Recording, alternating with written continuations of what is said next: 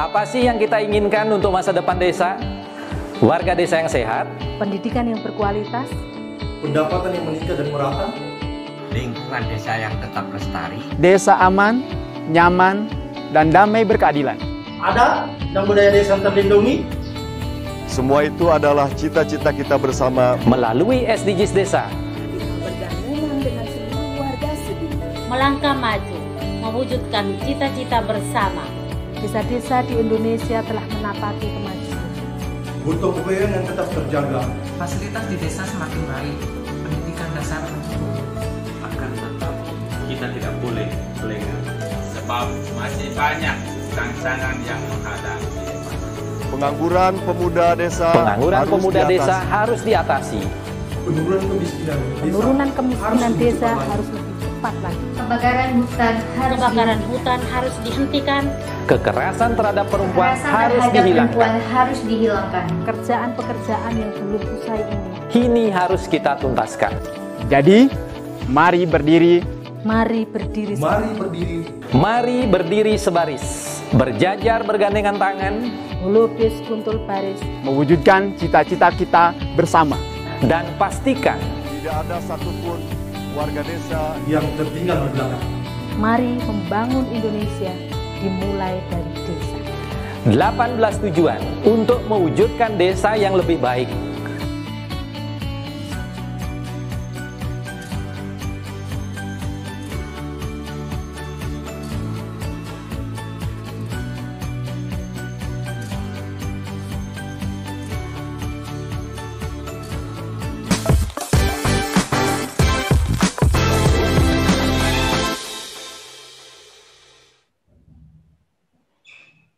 Pagi kerabat desa yang berbahagia di seluruh Indonesia dan kembali lagi hari ini hari Senin Februari 2021 kita kembali lagi bertemu di sarapan SDGs Desa bersama Kemen Desa. Tidak terasa nih kita sudah mencapai bulan Februari.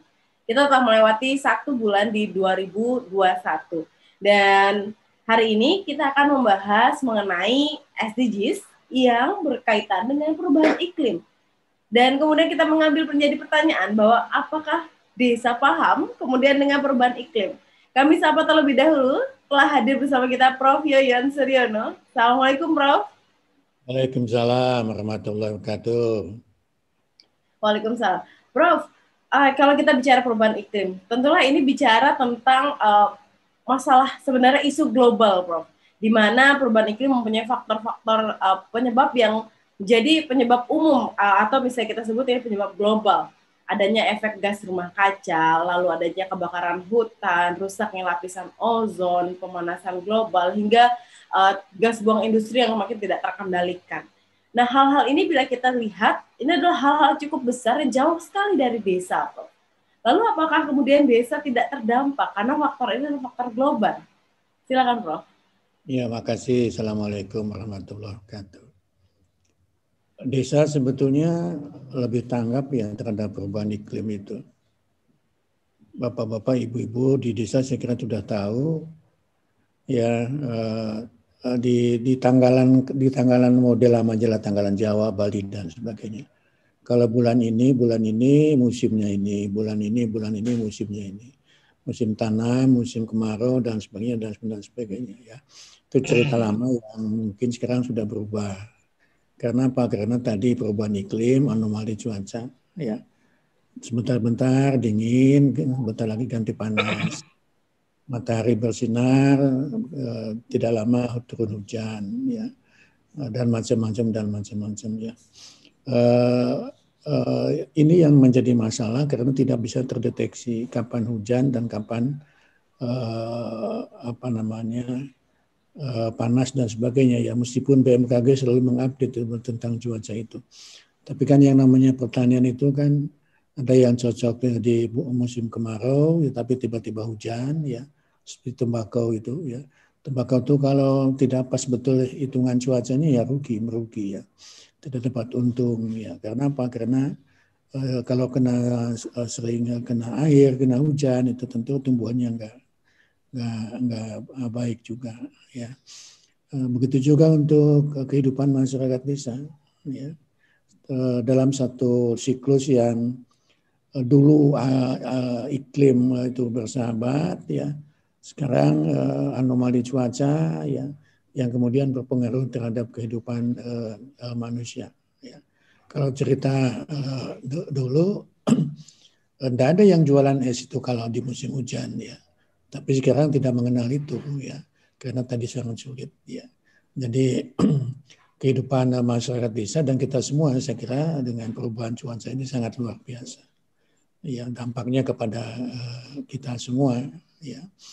Uh, angin kencang ya kemudian topan ya hujan lebat banjir bandang dan macam-macam itu ya tidak hanya uh, disebabkan oleh iklimnya ya iklimnya yang uh, anomali yang berubah itu disebabkan oleh perilaku manusia tadi itu ya ada industri yang luar biasa, pohon-pohon sudah pada habis ditebang, ya, dan lain-lain. Ya. Fenomenanya sangat luar biasa untuk desa itu dan, dan untuk kita uh, uh, semua. Ya. Uh, jadi kehidupan luar kehidupan manusia yang sekarang sudah sampai kepada satu titik ya cuaca uh, anomali cuaca perubahan iklim dan sebagainya itu menjadi bagian dari kehidupan manusia kekinian ya Ya karena uh, salah manusia sendiri di dalam mengelola uh, ekosistem lingkungan dan lain sebagainya dan sebagainya. Nah, para kerabat tani di desa saya kira sudah paham betul itu ya. Uh, meskipun kemudian uh, ekspresi ekspresinya itu juga kadang-kadang di luar kendali ya. Ya, misalnya panen cabai yang sudah melimpah-melimpah ya, tapi ternyata uh, harganya murah dan lain-lain dan lain-lainnya. Itu contoh-contoh yang terjadi di dalam kehidupan keseharian kita ya di desa maupun di kota. Ya, jadi kita sudah punya problem anomali cuaca dan kalau kita melihat dari MDG sampai SDG itu kan sudah agak sudah lama itu ya. Sudah puluhan tahun terjadi perubahan iklim itu. Ya. Dan oleh karena itu pagi ini ya sebagai bagian dari SDGs desa itu ya ya bapak-bapak, ibu-ibu kerabat desa di desa saya kira sudah sudah apa namanya sudah eh, menjadi bagian dari kehidupannya itu. Kalau iklim eh, tidak bersahabat ya terjadi anomali cuaca dan sebagainya dan sebagainya ya berpengaruh kepada pola hidup ya eh, pertaniannya sosialnya politiknya dan sebagainya dan sebagainya meskipun kita juga di, di, di, dibarengi ya dengan cara-cara untuk mengelola perubahan iklim itu ya, dengan teknologi juga ya dengan teknologi juga. Saya kira itu gambaran umum yang eh, saya yakin teman-teman kerabat desa uh, mem, uh, menghadapi masalah itu sekarang ini dan sedikit-sedikit sudah memahaminya. Ya. Nah, bagian dari SDGs itu adalah kita semua paham betul tentang uh, terjadinya fenomena itu dan kemudian kita uh, bagaimana jalan keluarnya yang Eh, menjadi kita eh, lakukan. Eh, satu contoh di mungkin tidak hanya di desa, jadi kita juga ya bangun jalan infrastruktur dengan bagus, tapi kekuatannya satu tahun sudah berkurang karena hujannya yang luar biasa sudah bolong-bolong ya diperbaiki lagi tahun lagi berikutnya begitu begitu. Itu baru satu ya belum pertanian tadi. Itu gambaran umumnya Mbak Umay ya. Problem kekinian terjadi di kita, di, bukan di kita sebenarnya di dunia tadi itu ya, yang uh, perubahan iklim dan sebagainya dan sebagainya itu ya. Belum informasi misalnya uh, uh, mencairnya setiap setiap tahap, setiap waktu ya uh, gurun es yang ada di kutub dan macam-macam lah. Jadi memang permukaan lautnya menjadi naik ya dan lain-lain dan sebagainya. Ya, saya kira uh, uh, begitu. Mungkin ini ada siapa lagi ya, Pak Pak ada Gini, Pak. Pak. Di sini ada Bu Agnes. Eh, Bu Agnes, Bu Agnes itu ada Bu Agnes itu. Mungkin bisa menambahkan beliau lebih ahli di bidang itu saya kira. Cuman uh, saya ingin mengatakan poin pentingnya ya uh, kita menghadapi uh, perubahan iklim tadi, anomali cuaca dan lain-lain dan kita harus siap. Ya. Uh, panjang sekali itu ceritanya untuk mengatasi masalah itu dan mengapa itu masuk di salah satu tujuan pembangunan SDGs ya termasuk SDGs. Karena itu memang fenomena yang sangat mengglobal. Ya perubahan iklim itu mengglobal sekali. Gitu.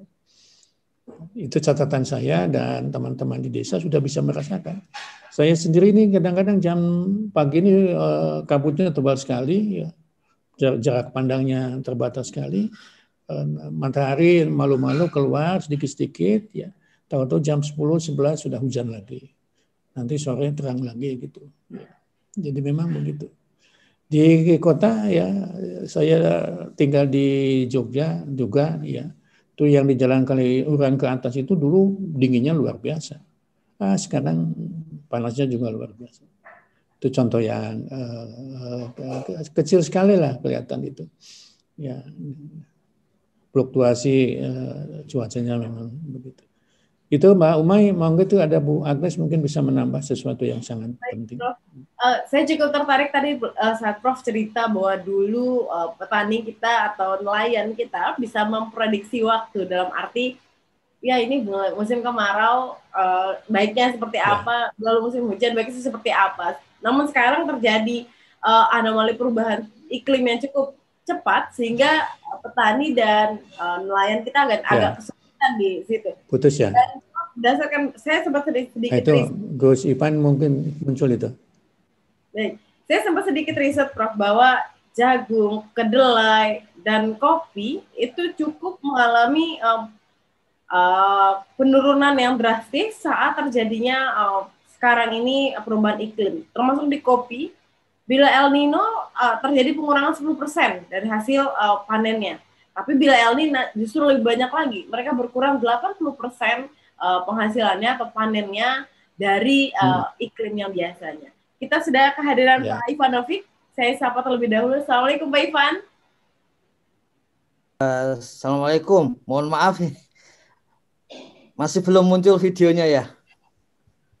Tidak apa-apa, Pak. Bentar, belum. Suaranya ya, masih ya. terdengar.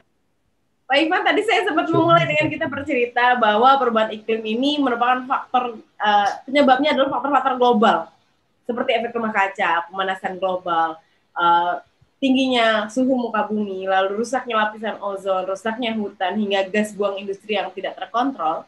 Lalu Prof. Wayan sempat bercerita bahwa di desa hal ini terjadi dalam bentuk-bentuk yang uh, mikro dalam arti kecil-kecil tapi terasa. Misalnya bila kita sebut teman-teman dari desa-desa petani, mereka mulai kesulitan untuk menentukan waktu tanam, waktu panen karena tidak ada lagi musim hujan dan musim kemarau yang waktunya hampir tepat seperti itu.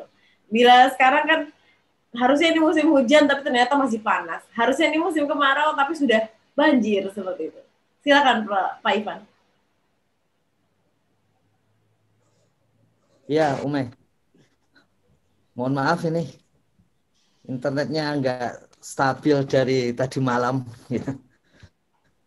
Bukan Baik, karena Pak. ada kebakaran di BTM ini, tapi karena hujannya ini. Salah Jadi, satu dampak perubahan iklim kah, Pak? Iya, iya.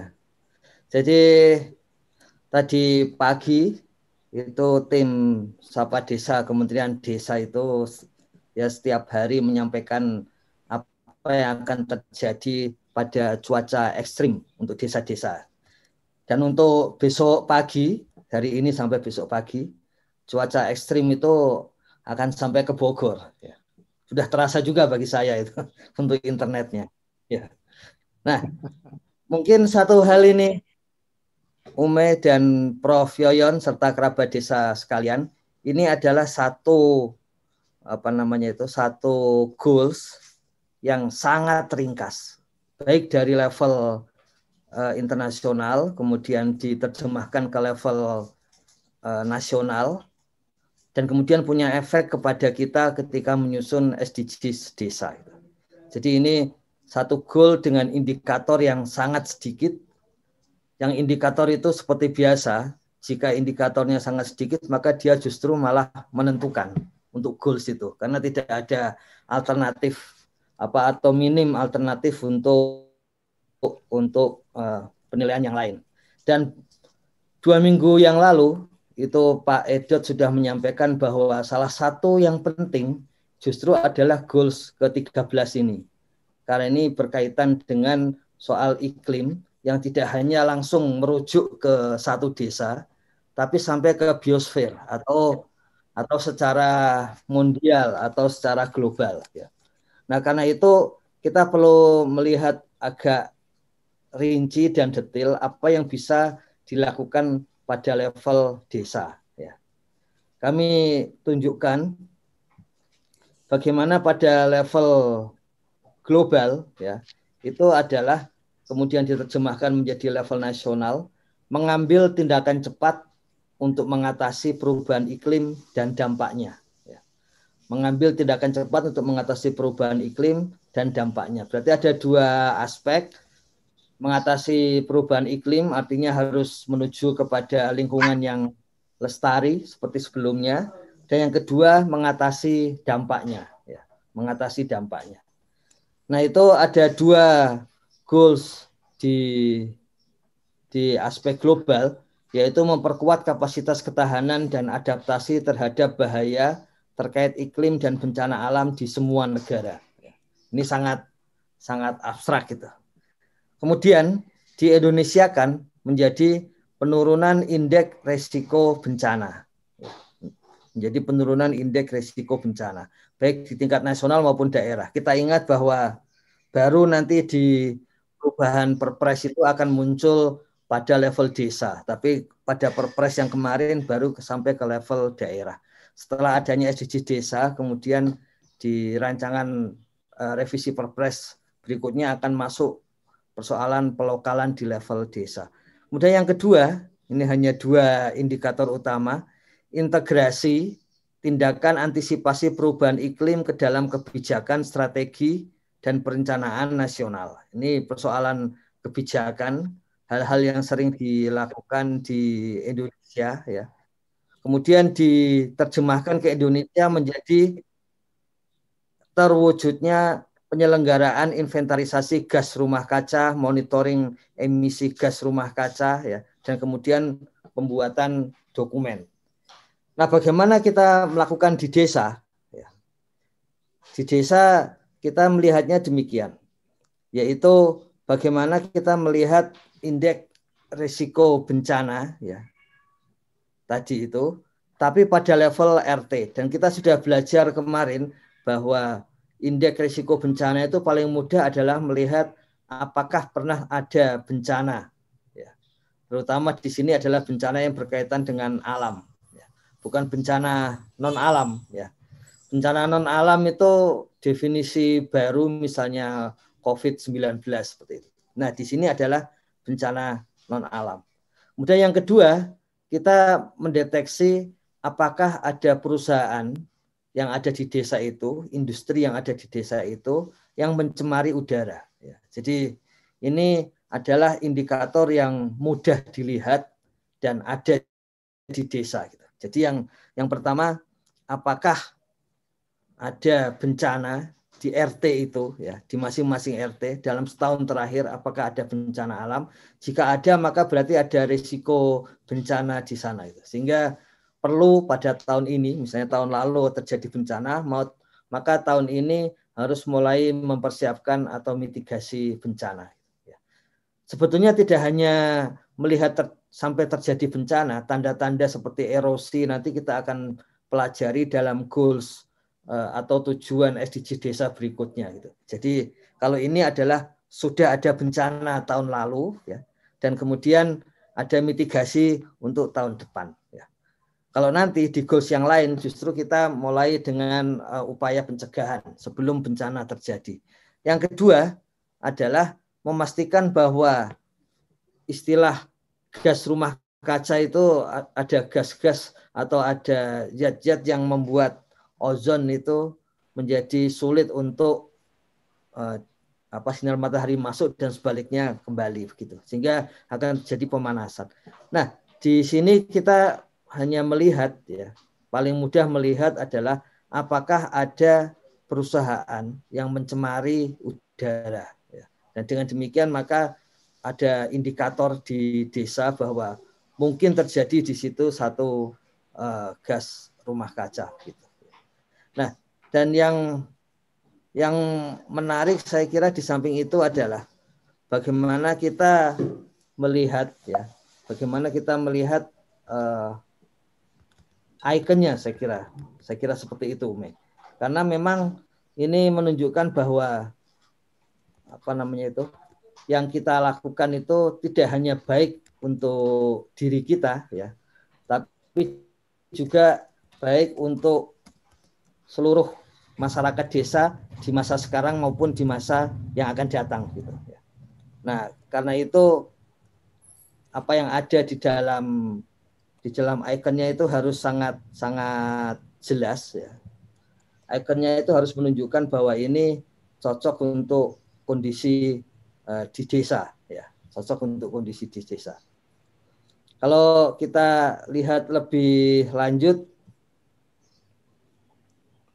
eh, maaf ini internetnya gini lagi. Ya. ya Pak Ivan, sambil menunggu internetnya tersambung kembali Pak. Boleh saya sedikit ya, bertanya? Ya. Kalau misalnya tadi kita lihat dari indeks yang Bapak uh, tampilkan bahwa yang akan dilihat adalah perusahaan yang mencemari udara. Apakah hanya perusahaan yang mencemari udara yang kemudian terdata Pak? Padahal banyak perusahaan juga dapat kita sebut perusahaan tambang yang ada di lokasi atau yang ada di desa juga menimbulkan uh, seperti yang kita sebut di uh, di sarapan SDGs minggu uh, waktu lalu bahwa ternyata tidak hanya perusahaan yang bergas saja, tapi perusahaan juga mempunyai limbah yang mengalir ke tanah ataupun ke air, itu juga um, yeah. mempunyai resiko bencana yang cukup tinggi. Apakah itu tidak terdata, Pak?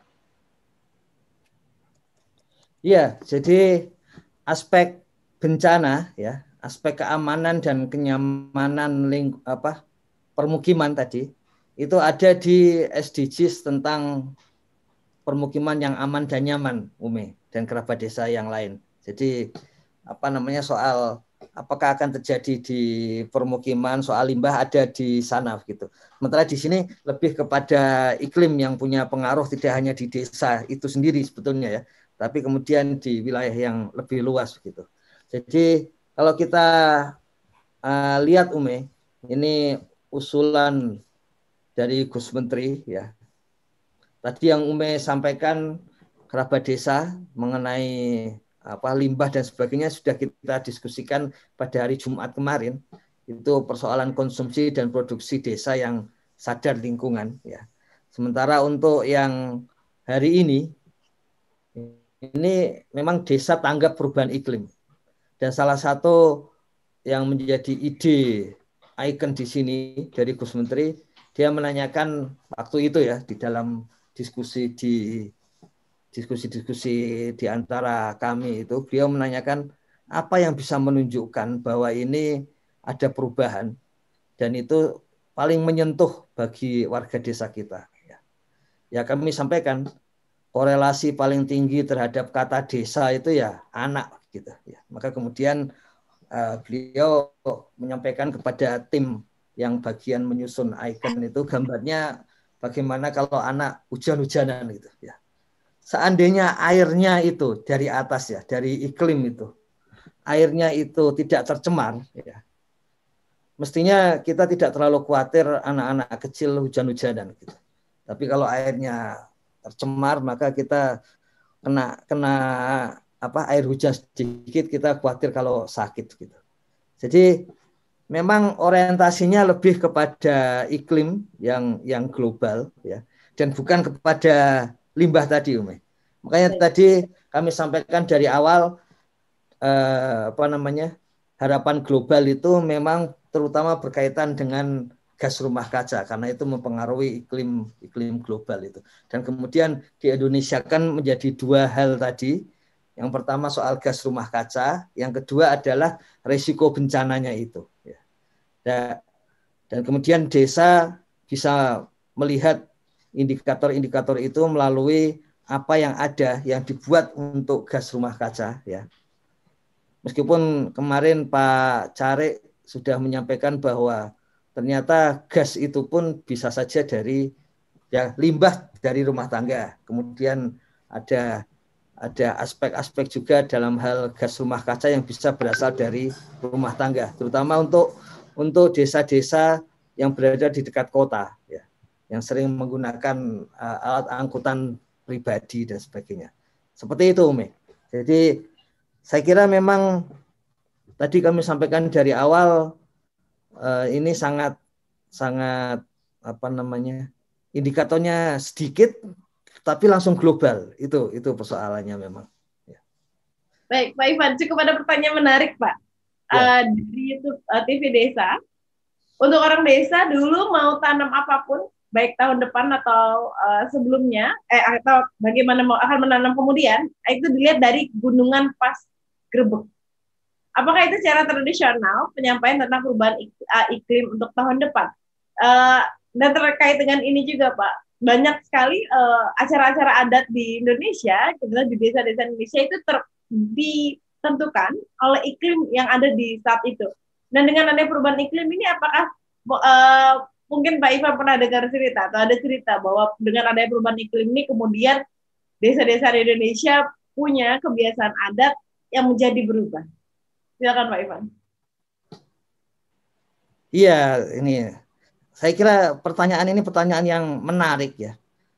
Dan kami akan pelajari betul ini, ya. Kami akan pelajari betul. Sebetulnya apa namanya Kementerian Desa itu saat ini sedang dalam proses membuat satu perpustakaan paling besar tentang desa, daerah tertinggal dan transmigrasi itu.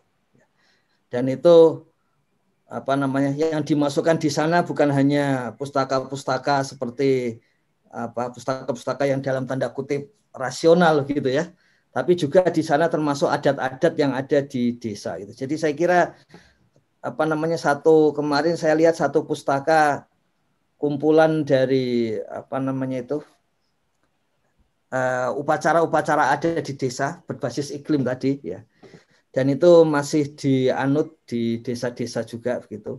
Dan saya kira kami terima kasih ini kembali lagi temuan menarik dari SDGs desa, sarapan SDGs desa adalah bagaimana aspek budaya itu memang sangat mempengaruhi uh, goal-goal atau tujuan-tujuan SDGs desa yang lain. Kami akan pelajari benar itu Ume dan kerabat desa sekalian, bagaimana nanti roda dari iklim itu akan karena itu mempengaruhi budaya dan itu sangat berbahaya kalau desa tidak siap. Dia bisa merasa tidak homey ya, tidak merasa ada di dalam budayanya, tidak merasa di rumahnya sendiri nanti. Itu saya kira benar berbahayanya ada di di sana gitu. Ya. Baik, Pak Ivan. Perubahan iklim selain um, terkait dengan budaya dari masyarakat desa tentu tidak terlepas dengan uh, aspek sosial ekonomi yang ada di desa. Banyak ya. sekali seperti kita tahu teman-teman di desa berprofesi sebagai petani juga sebagai nelayan dua profesi yang cukup erat dengan alam yang saat perubahan iklim terjadi mereka adalah adalah profesi yang paling terdampak berat di desa. Apakah uh, ini kemudian tercapture juga di dalam uh, data SDGs desa? Iya, iya. Tapi itu untuk nelayan desa nomor 14 Ume dan kerabat desa sekalian dan untuk petani ada di SDGs desa nanti nomor 15 tentang tentang daratan ya. Dan saya kira ini ada pertanyaan menarik dari Pak Madong ini. Ya. Dari Pak Madong menyampaikan apakah bisa nanti disimpulkan risikonya berat, sedang dan ringan ya. Jadi menurut BNPB ya beliau menyampaikan kepada Gus Menteri bahwa resiko ini harus relatif setara antara BNPB dengan Kementerian Desa itu ya. BNPB sudah memberikan banyak data tentang desa-desa dengan resiko berat, sedang dan ringan ya. Yang selama ini memang agak beda dengan Kementerian Desa karena di Kementerian Desa berbasis kejadian tahun sebelumnya, di BNPB berbasis kondisi kelerengan dan sebagainya. Artinya ke depannya begitu. Jadi saya kira yang disampaikan Pak Madong ke depan berdasarkan hasil pertemuan antara Gus Menteri dengan BNPB itu memang benar akan ada desa dengan resiko eh, berat, sedang dan kecil dalam hal dalam hal apa namanya itu bencana maupun dalam hal iklim ya dalam hal iklim. Tentu saja di sini indikatornya dibuat sangat mudah Umi ya. Jadi yang yang memang kentara bagi desa. Tidak menggunakan indikator yang harus sampai ke laboratorium gitu, tapi ini indikator yang memang sangat mudah dikenali dan itu memang ada jenis indikator seperti itu. Ya. Saya kira Baik. dari Pak Pardi menarik juga itu, Ume, dari Lurah Pardi. Saya ya. ingin menyampaikan Pak, ini uh, cukup menarik nih Pak, bahwa perubahan iklim identik dengan perubahan musim. Dulu musim stabil, warga ya. desa menyesuaikan dengan masa tanam. Sekarang musim tidak dapat diprediksi, berubah-ubah terus, jadi pola tanam juga berubah. Nah ini kan tadi saya sebutkan ini akan juga berdampak di sosial dan ekonomi uh, teman-teman di desa. Iya, iya. Benar. Nah, yang dilakukan oleh Kementerian Desa itu memang kerjasama dengan BMKG. Ya, memang pada saat ini, ketika di bulan Oktober kemarin, itu terutama berkaitan dengan cuaca-cuaca ekstrim. Tapi saya kira tadi yang menarik adalah kerjasama ini harus berlanjut sampai ke bagaimana potensi perubahan iklim untuk masing-masing wilayah ini Ume ya. Jadi mikro ini iklimnya terutama iklim mikro masing-masing wilayah itu untuk satu tahun ke depan seperti apa.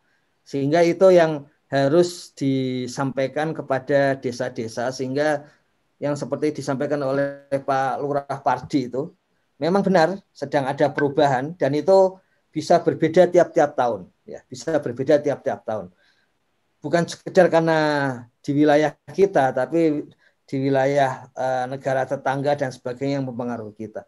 Saya kira sudah saatnya seperti itu dan dan ya dari sarapan SDG desa hari ini saya kira kita segera tidak lanjuti Ume bagaimana supaya satu tahun ke depan musim tanam untuk masing-masing wilayah itu seperti apa itu ya. Jadi tidak lagi se-Indonesia tapi masing-masing wilayah itu dan itu memperhatikan iklim global juga itu. Saya kira benar itu yang penting dan memang dirasakan oleh desa kebutuhannya seperti itu eh, maka memang sudah wajib bagi Kementerian Desa untuk melayani itu ya. Jadi kami akan jalankan dan saya kira nanti seperti disampaikan Gus Koco setelah selesai 18 episode SDGs desa itu kita akan tunjukkan hasil-hasilnya begitu ya, yang sudah yang sudah dijalankan gitu. Gitu Baik. kerabat desa. Terima kasih banyak ini, bagus. Kalau bisa kita bicara apa gini kita bicara tentang pahamkah desa dengan perubahan iklim. Berarti jawaban singkat dari Pak Ivan? Iya. Lurah Pardi sudah sudah menyampaikan sebetulnya sudah paham itu. Sudah paham Plus calon lurah faktor dan ya. uh, lainnya mereka kurang paham. Baik Pak ya. Ivan kita kembali setelah yang berikut ini Pak Ivan. Kamu tinggal di pulau terpencil, pegunungan pinggiran kota, atau daerah di Indonesia yang tidak terjangkau jaringan fiber, ADSL, dan juga 3G. Internetan dengan cepat pasti cuma akan menjadi mimpi. Mau pakai tol langit, pakai desa wifi, kunjungi www.desawifi.id. Apa sih yang kita inginkan untuk masa depan desa? Warga desa yang sehat, pendidikan yang berkualitas, pendapatan yang meningkat dan merata, lingkungan desa yang tetap lestari, desa aman, nyaman, dan damai berkeadilan. Ada dan budaya desa terlindungi. Semua itu adalah cita-cita kita bersama melalui SDGs Desa satu, desa tanpa kemiskinan. Dua, desa tanpa kelaparan. Tiga, desa sehat sejahtera. Empat, pendidikan desa berkualitas. Lima, keterlibatan perempuan desa. Desa layak air bersih dan sanitasi. Tujuh, desa berenergi bersih dan terbarukan. Delapan, pertumbuhan ekonomi desa merata. Sembilan, infrastruktur dan inovasi desa sesuai kebutuhan. 10. Desa tanpa kesenjangan. 11. Kawasan permukiman desa aman dan nyaman. 12. Konsumsi dan produksi desa sadar lingkungan. 13. Desa tanggap perubahan iklim. 14. Desa peduli lingkungan laut. 15. Desa peduli damai berkeadilan. 17 kemitraan untuk membangun desa. 18. Kelembagaan, desa dinamis, dan budaya, desa adaptif.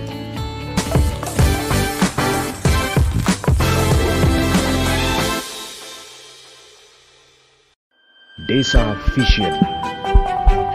Desa Vision memberikan pilihan tayangan edukasi dan inspirasi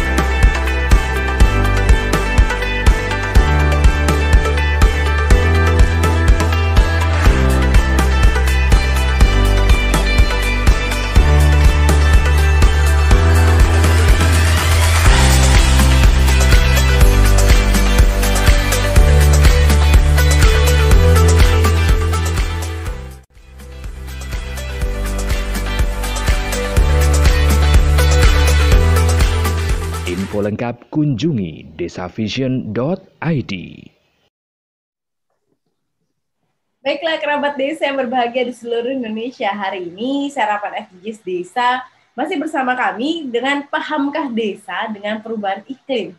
Kalau tadi kita sempat setengah acara sebelumnya kita sempat cerita bahwa ternyata desa paham betul dampak yang terjadi akibat perubahan iklim, terutama teman-teman dari uh, desa yang sangat ber uh, atau sangat sangat bergantung pada sumber daya alam.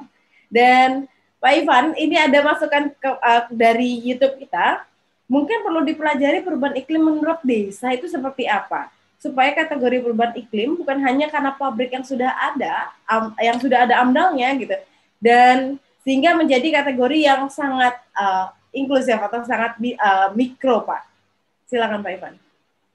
Iya, jadi apa namanya persoalannya memang bukan bukan untuk ini yang namanya SDGs memang berorientasi kepada goals ya kepada tujuan gitu ya. Jadi jadi memang bukan untuk semata-mata indikator ada sesuatu di desa tapi memang ada tujuan yang hendak dicapai gitu ya. Dan apa namanya kita sudah pelajari juga bahwa salah satu yang mengubah iklim terutama adalah pembangunan dan itu terutama adalah manufaktur ya. Prof. Yoyon sudah menyampaikan beberapa hari yang lalu bahwa uh, kemungkinan yang paling banyak mengubah memang demikian. Dan itu sudah banyak buktinya. Pak Edot juga menyampaikan bahwa yang mengubah iklim paling besar itu sebetulnya adalah negara-negara maju gitu. Yang memang mereka memberikan apa keluaran uh, gas buang atau emisi meskipun ini terjemahannya kurang tepat betul ya emisi uh, lebih tinggi, jauh lebih tinggi daripada negara-negara seperti kita ini ya. Nah, itu sebabnya maka kita sudah siap-siap lebih dulu sebelum hal itu terjadi di desa-desa kita gitu. Jadi seperti itu Ume. Jadi memang harapannya itu uh, iklim atau yang masuk yang mempengaruhi desa itu tidak banyak terpengaruh terhadap iklim yang sifatnya itu merusak gitu tidak ada apa se seperti kaidah di dalam ekologi tidak ada gunanya kalau satu desa itu bagus sementara desa lainnya tidak. Ini memang harus bareng-bareng. Sama seperti desa menerapkan pertanian organik. Kalau ada satu lahan organik tapi yang lain tidak organik, ya akhirnya lahan yang organik ini pun uh, tercemari oleh lahan-lahan yang lain. Nah ini juga sama ini persoalan iklim itu tidak pernah uh, sampai pada batas-batas desa. Dia justru batas-batasnya itu sangat luas, sangat global. Ya. Jadi karena itu di sini memang pertama kita melihat tujuannya dan tujuan itu memang harus ditempuh oleh masing-masing desa secara bersama-sama. Jadi kalau 74.961 desa di 2021 menerapkan hal itu, barulah akan ada perubahan di Indonesia. Gitu. Tapi kalau kalau baru sebagian besar ya kemungkinan tidak banyak terasa perubahannya itu. Ini ini aspek yang agak agak apa ya agak krusial dan memang butuh banyak kerjasama antar antar desa Umi. Baik, Pak Ivan, uh, kita sudah ada Bu Agnes juga, Bu Agnes dari SDG Center ITS. Assalamualaikum Bu Agnes. Waalaikumsalam Mbak Umay. Bu Agnes, kita ada pagi ini kita bicara tentang pahamkah desa dengan perubahan iklim. Tadi Prof. Yoyo sudah menyampaikan di awal, lalu Pak Ivan Novek juga telah menyampaikan indikator-indikator uh, yang kemudian diukur dengan adanya SDGs kita nomor 13 ini, Desa Tanggap Perubahan Iklim. Saya ingin dengar dari Bu Agnes, apakah Bu tentang perubahan, perubahan iklim ini kemudian yang dirasakan desa adalah hal-hal mikro yang sebenarnya cukup krusial, namun uh, ini belum dapat mereka adaptasi seperti itu, Bu. Kira-kira pendapat Bu Agnes bagaimana? Silakan, Bu. Menarik sekali, Mbak Umay pagi Pak Ivan dan Bapak Ibu yang lain, Prof. Yoyo. Uh, saya ini mungkin agak berbeda sedikit uh, sudut pandang saya, bukan uh, apa itu namanya, bukan tidak membenarkan. Ini sangat benar bahwa memang perubahan iklim itu dampaknya justru ke desa ya, ya ke kita maksud saya, bahwa dulu pernah ada istilah apa carbon trade ya, kita disuruh. Ibu maaf, suaranya boleh sedikit dikencangkan, Bu? Ya, kita dengar Mbak Umay? Siap, Bu, sudah dengar dengan baik. Ya, jadi dulu kan kita disuruh menjaga hutan karena untuk menyerap CO gitu ya. Di di indikator global pun kan kita juga menga, eh, yang yang bukan di desa ya, yang indikator yang saya baca di rilis Bapenas itu kan eh, sebetulnya Eh, CO juga persoalannya. Nah, terus hutannya kan ada di desa. Kemudian kita disuruh menjaga supaya CO-nya bisa terserap gitu ya. Nah, sekarang kalau diterjemahkan dalam SDG desa saya senang karena dengan begitu tidak hanya kita disuruh-suruh tetapi kita tuh justru harus melihat resiko tadi ya risiko. Nah, risiko ini kan uh, bagi petani itu luar, luar biasa ya menurut saya, bagi petani ya. Memang sekarang ini sudah sering disampaikan bahwa oh, oh ini nanti uh, suhunya sekian, kemudian itu sudah kemajuan luar biasa menurut saya bahwa akan ada angin, hujan deras dan sebagainya. Tapi jangkanya pendek gitu. Jangkanya kan pendek. Artinya besok terjadi sekarang dikasih tahu. Nah, tetapi petani itu kan butuhnya agak jangka agak panjang. Kita harus tahu petani itu eh, harus tahu dalam jangka yang panjang karena dia harus membuat penjadwalan apa itu namanya eh, tanamnya ya gitu ya. Nah, ini yang kelihatannya itu belum gitu ya, belum. Artinya petani itu belum ngeh betul bahwa apa yang akan terjadi dalam enam bulan ini sedemikian rupa sehingga saya tidak boleh menanam ini itu gitu.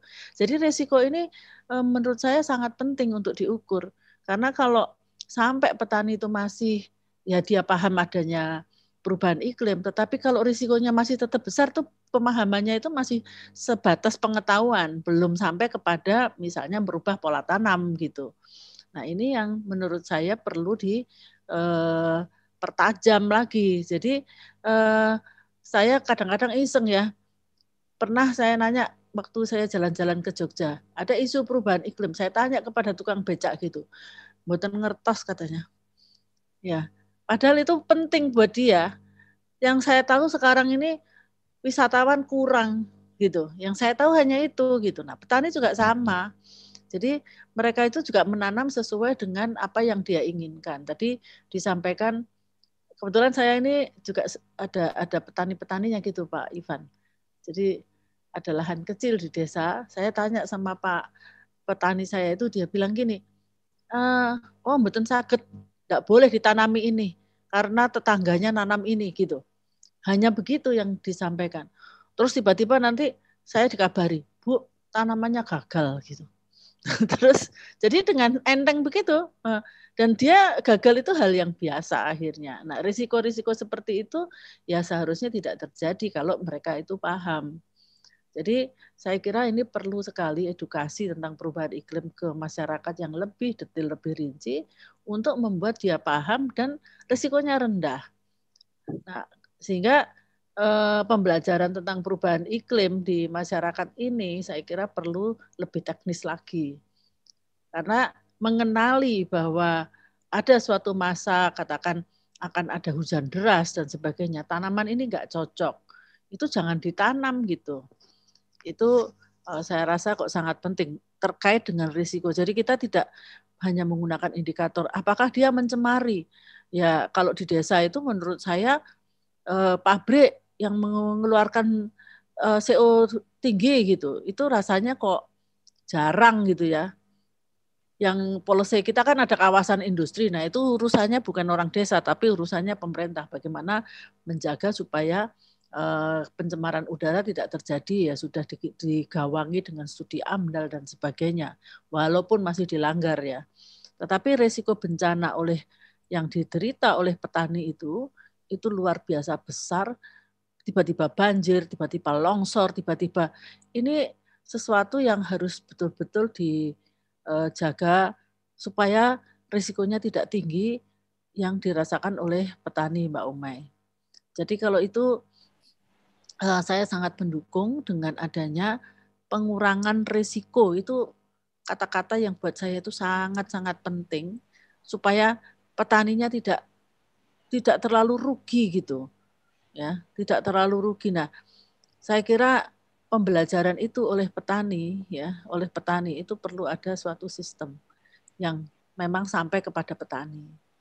Jadi bukan hanya disiarkan di TV-TV gitu tetapi memang harus ada khusus uh, topik tentang perubahan iklim itu kepada petani. Saya rasa gitu Mbak Umay. Baik, insight-nya cukup menarik uh, Bu Agnes. Uh, Pak Ivanovic, saya kembali ke Pak Ivanovic. Apakah kemudian yang disampaikan Bu Agnes ini dapat dicapai dengan kita pendataan SDGs desa ini Pak Ivan?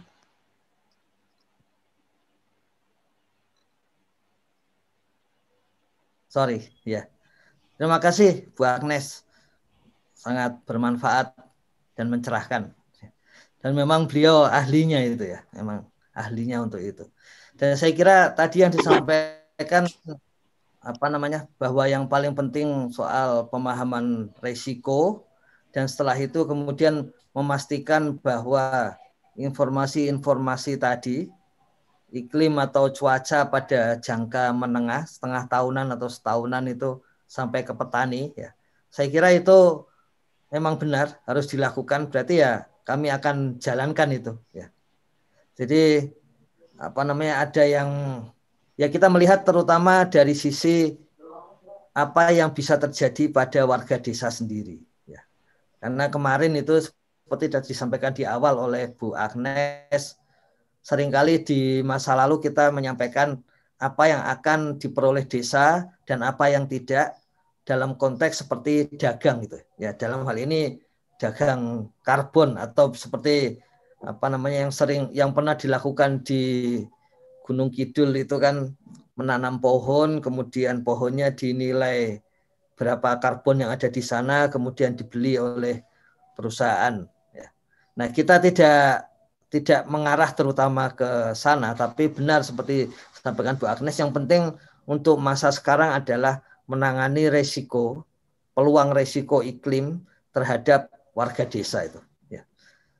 Jadi saya kira sudah jelas yang harus kami jalani ini Ume ya melihat apa namanya dampak atau resiko atau iklim atau cuaca setengah tahun sampai setahun ke depan ya sudah terbayang ini ke BMKG sama ke apa namanya jurusan-jurusan agrometeorologi gitu di tiap-tiap kalau bisa tiap-tiap kabupaten gitu.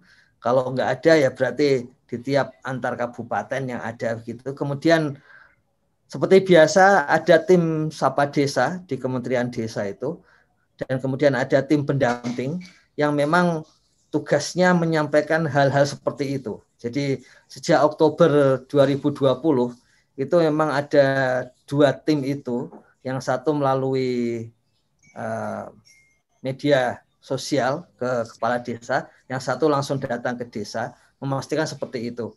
Dan kalau tadi disampaikan Bu Agnes, terutama kepada warga yang kemungkinan paling terdampak, petani dan nelayan, saya kira itu menjadi tugas dari pendamping desa kalau di tempat kami ya. Pendamping desa untuk memastikan seperti itu dan kemudian kerjasama dengan para penyuluh di Kementerian Pertanian. Ini kebetulan di tempat kami Bu Agnes ada unit kerja yang berkaitan dengan kerjasama dan ini sedang sedang getol-getolnya ini memastikan kerjasama dalam hal substansi. Ya termasuk yang janji kami ke Bu Agnes soal KKN tematik ini sedang disusun terakhir bahkan langsung dengan ya, dikti terima kasih ya. langsung dengan dirjen dikti juga supaya apa minggu depan langsung sudah ada panduan langsung semua Bu ya. saya kira banyak hal menarik ini Ume dan kerabat desa sekalian dan ya seperti biasa tidak ada gunanya kalau kita tidak jalani gitu sehingga nanti di sesi-sesi berikutnya itu bisa kita tunjukkan hasil-hasilnya ya Umay dan kerabat desa sekalian.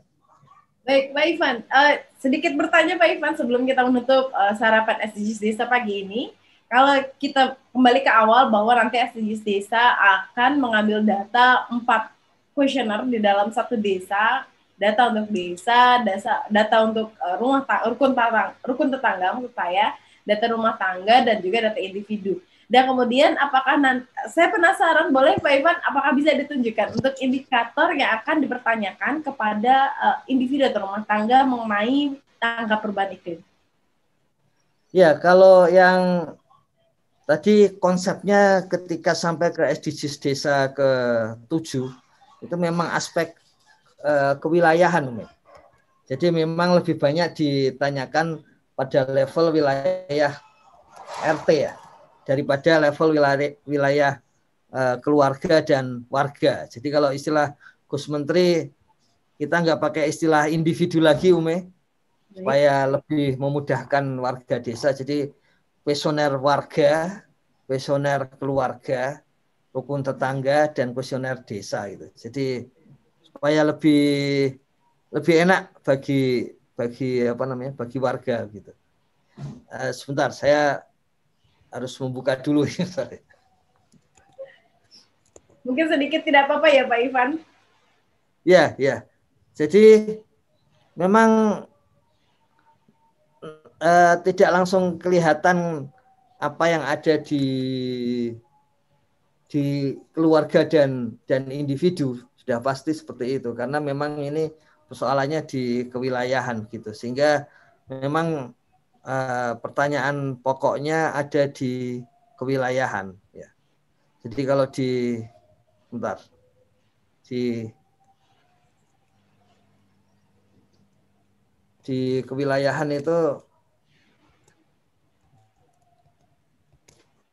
Ya karena seperti kita tangkap di uh, diskusi kita pagi ini, kemudian perubahan iklim ini di desa justru banyak dirasakan oleh uh, warga atau atau individu gitu Pak Ivan. Dan yeah, yeah. saya jadi cukup penasaran untuk melihat apakah indikator ini kemudian ditangkap oleh pertanyaan yang akan tertera di dalam SDGs desa nanti. Ya, yeah. jadi yang pertama di aspek wilayah RT ya akan kita lihat apakah ada perubahan luas lahan ya ini perubahan yang dialami di tiap RT. Harapannya kenapa RT?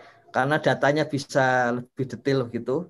Dan kemudian di dalamnya ada aspek pencemaran tadi ya, meskipun tadi disampaikan oleh Bu Agnes bahwa lebih cocok berkaitan dengan risiko. Makanya di, kemudian ditanyakan juga mengenai bencana. Adapun di level individu ya, di level individu itu memang pertanyaannya berkaitan dengan setelah tadi terjadi iklim di level uh, RT tadi ya. Kemudian bagaimana pengaruhnya terhadap terutama penghasilan ya. Meskipun namanya penghasilan sebetulnya ada volumenya juga. Jadi kalau ada aspek tadi ya dikaitkan dengan aspek volume apakah makin menurun ya baik itu peternakan nelayan maupun maupun uh, apa namanya itu uh, pertanian maka kita bisa agak yakin untuk menyampaikan ada faktor dari perubahan iklim tadi yang terjadi di level tentu saja RT tadi ya. Jadi sangat sangat dekat kepada sangat dekat kepada keluarga di di sana gitu ya. Jadi ini metodenya memang tidak tidak secara langsung meskipun secara statistik nanti seperti biasa akan muncul ini memang karena pengaruh itu atau tidak ini. Jadi hitungannya seperti itu, Me. Baik Pak, terakhir Pak Ivan. Kalau tadi ya. bicara tentang perubahan, uh, pahamkah desa dengan perubahan iklim? Kalau tadi yang indikator awal Pak Ivan sampaikan bahwa yang akan dilihat adalah uh, faktor kebencanaan dan efek gas rumah kaca. Kita bicara faktor kebencanaan Pak Ivan. Di tahun pertama, uh, di bulan pertama tahun 2021 ini sudah cukup uh, banyak bencana, terus, terus uh, seperti banjir dan uh, longsor di beberapa daerah di Indonesia bencana seperti apa saja yang kemudian dapat teridentifikasi sebagai uh, akibat dari faktor perubahan iklim? Ya, saya kira yang tadi disampaikan Ume, ini bukan bencana yang sifatnya karena gempa bumi atau gunung api, ini bencana yang sifatnya karena karena iklim ini Ume. Ya. Dan memang kami setiap kali mendengar ada apa namanya korban ya di di desa itu memang apa namanya sebetulnya tugas dari Gus Menteri kepada kami itu mentransmisikan pengetahuan bahwa akan ada cuaca iklim eh, cuaca ekstrim. Tapi memang tadi sampaikan Bu Agnes bahwa apa ramalannya itu memang paling lama dua hari nanti begitu. Jadi misalnya yang untuk besok Selasa gitu ya, itu tadi malam itu hari Minggu itu itu uh, WA-WA sudah dikirim kepada para kades ini. Yang hari Selasa itu menurut ramalan di wilayahnya ada cuaca ekstrim itu. Tapi dua hari ternyata tidak terlalu mencukupi. Dan tadi disampaikan Bu Agnes, ada WA yang menyampaikan bahwa tadinya mereka tidak percaya dengan WA WA bahwa akan ada cuaca ekstrim di desanya gitu. Sehingga meskipun sudah ada WA dari kementerian, tidak langsung bertindak juga. Ya. Jadi memang ada masalah apa namanya itu yang disebut oleh Bu Agnes bahwa ada resiko memahami bahwa resiko itu belum terjadi masalahnya kan? Dan memang itu bisa saja tidak terjadi nanti ya. Karena itu ramalan begitu kan? Ramalan cuaca begitu. Jadi eh, hal-hal seperti itu memang bersifat membudaya itu. Dan setiap kali ada berita desa terkena bencana sejak Oktober sampai sekarang itu langsung muncul pembicaraan dari Gus Menteri kepada kami kok masih bisa ada? gitu. Karena apa namanya WA sudah disampaikan gitu ya. Berarti apa belum sampai atau, atau ya atau tadi ada kita, kita belum terbiasa untuk memitigasi bencana mungkin Pak Ivan? Ya memang hitungannya hanya tujuh persen desa yang siap sampai saat ini Baik, Pak Ivan dan kerabat desa yang berbahagia di seluruh Indonesia. Ya. Kita hari ini kita bicara pahamkah desa dengan perubahan iklim. Tadi Pak Ivan telah menyampaikan bahwa uh, akan ada dua yang menjadi sorotan utama di dalam uh, kuesioner nanti di SDGs desa bahwa mengenai tentang bencanaan dan efek gas rumah kaca. Dan kerabat desa yang berbahagia, SDGs minggu besok kita akan bicara tentang desa peduli lingkungan laut. Dan jangan ke mana-mana, karena besok sarapan SDGs Desa dari Kemendesa akan kembali tetap di pukul 6 hingga pukul 7 waktu Indonesia Barat. Jadi sampai jumpa. Apa sih yang kita inginkan untuk masa depan desa? Warga desa yang sehat, pendidikan yang berkualitas, pendapatan yang meningkat dan merata, lingkungan desa yang tetap lestari, desa aman, nyaman, dan damai berkeadilan ada dan budaya desa terlindungi. Semua itu adalah cita-cita kita bersama melalui SDGs Desa. Melangkah maju, mewujudkan cita-cita bersama. Desa-desa di Indonesia telah menapaki kemajuan. Butuh kebayaan yang tetap terjaga.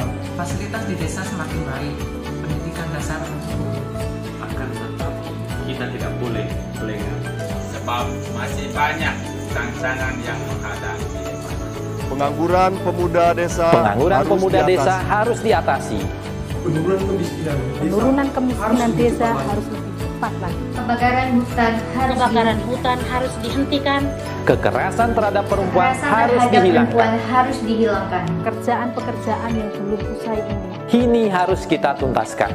Jadi, mari berdiri Mari berdiri Mari berdiri Mari berdiri sebaris, berjajar bergandengan tangan, melukis kuntul baris. mewujudkan cita-cita kita bersama.